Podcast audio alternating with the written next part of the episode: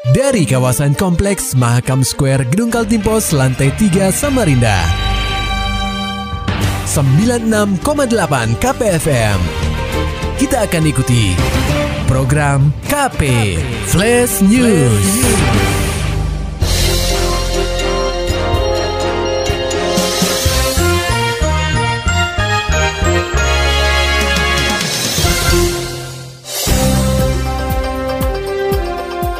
Anda sedang menyimak program KP Flash News bersama saya Agung Pratama. Pendengar KP Komitmen Perjuangkan Hak Buruh di Kaltim, Partai Buruh kirim karangan bunga untuk DPRD Kaltim. Laporan selengkapnya disampaikan reporter KPFM Samarinda, Maulani Al-Amin. Serikat Buruh Samarinda yang tergabung dalam Partai Buruh menyoroti pelbagai hal dalam momen May Day atau Hari Buruh Internasional. Ada enam tuntutan yang disuarakan kelompok tersebut. Mereka menggelar aksi di depan gedung DPRD Kaltim, Jalan Teku Umar Samarinda, Senin 1 Mei 2023. Ketua Serikat Buruh Samarinda Yoyo Sudarmanto menerangkan enam tuntutan tersebut di antaranya meminta pemerintah mencabut Undang-Undang Cipta Kerja dan Parlementaria Threshold 4%. Kemudian pemerintah mesti mengesahkan Undang-Undang Perlindungan Pekerja Rumah Tangga. Yoyo yang juga ketua bidang agitasi dan propaganda Komite Eksekutif Partai Buruh Kaltim itu melanjutkan pihaknya juga menolak rancangan Undang-Undang Kesehatan, lalu reforma agraria dan kedaulatan pangan. Kemudian mendorong masyarakat memilih presiden yang pro kelas pekerja pada pemilu 2024. Menurut Yoyo, enam tuntutan tersebut bisa berdampak pada kesejahteraan buruh di benua etam. Dan juga soal apa kesejahteraan terhadap para buruh yang hari ini masih dikebiri oleh perusahaan dan sudah seharusnya pemerintah memberikan perhatian dalam bentuk regulasi yang adil, dalam bentuk regulasi yang semisal uh, Dex ketenaga kerjaan yang di dalamnya itu ada kepolisian, ada serikat buruh. Menyikapi hal ini, Ketua Komisi 4 DPRD Kaltim Rusman Yakub mengatakan, pemerintah diharapkan hadir dalam memperjuangkan setiap persoalan buruh. Aspirasi-aspirasi yang di yang, sel, yang selama ini selalu di dikobarkan, disampaikan oleh teman-teman para buruh itu atau pekerja. Masa aksi juga menggelar konvoy yang dimulai dari Simpang Molom Beswana menuju Gerbang Karangpaci atau sebutan kantor DPRD Kaltim. Dorongan atas tuntutan tersebut ditandai dengan meletakkan karangan bunga di pagar kantor DPRD Kaltim. KPFM Samarinda, Maulani Al-Amin, melaporkan. Beralih ke berita selanjutnya, pendengar KP, 446 tenaga P3K untuk tenaga kesehatan resmi mendapat SK pengangkatan dari Gubernur Kaltim. Laporan selengkapnya akan disampaikan reporter KPFM Samarinda, Muhammad Nur Fajar.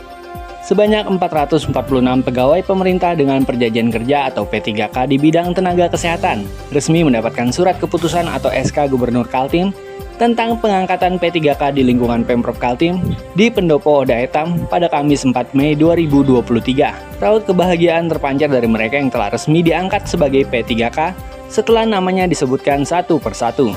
SK Gubernur Kaltim ini diserahkan langsung oleh Wakil Gubernur Kaltim, Hadi Mulyadi, kepada beberapa perwakilan tenaga P3K di lingkungan Pemprov Kaltim.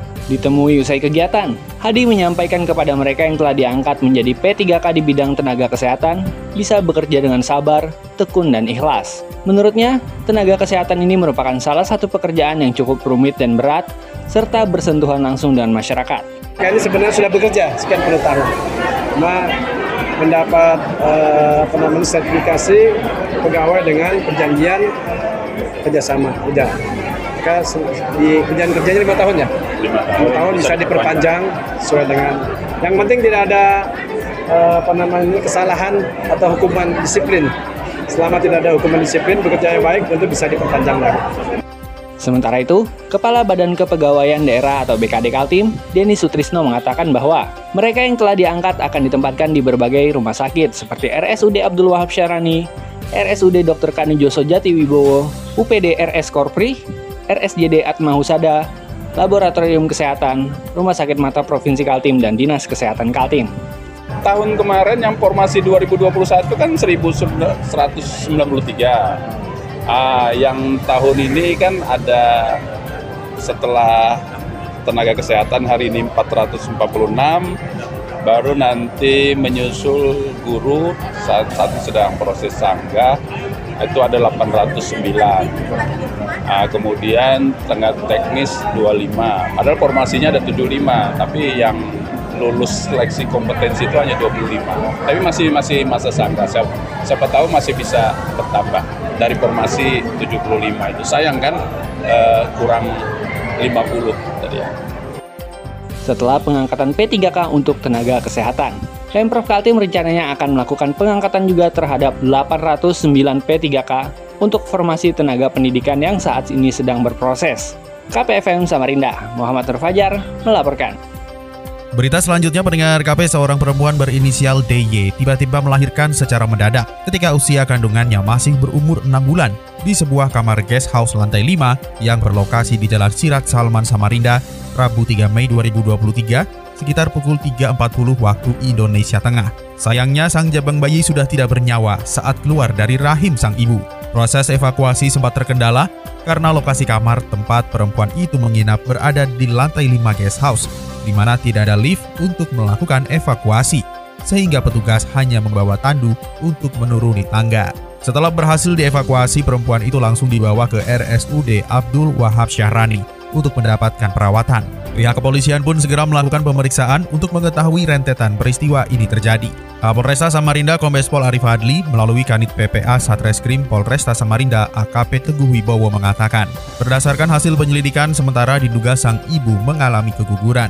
Sebenarnya sang ibu mendapat rujukan dari klinik perusahaan tempat suaminya bekerja untuk berobat di salah satu rumah sakit di Samarinda. Tetapi karena poli kandungan baru beroperasi saat pagi, sehingga dia diarahkan untuk rawat jalan. Anggota mengatakan itu memang ada rujukan, ada dari dia dari perusahaan apa?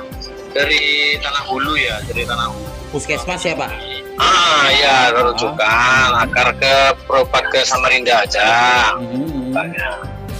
Untuk sementara polisi masih meminta keterangan dari suami perempuan tersebut serta dokter spesialis kandungan untuk mencari tahu penyebab keguguran.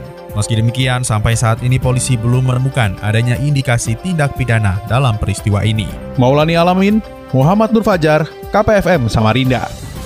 Serta dapatkan berita-berita selengkapnya di www.968kpfm.co.id. Demikian tadi telah kita simak rangkaian berita-berita yang terangkum dalam program KP Flash News. Persembahan dari 96,8 KPFM.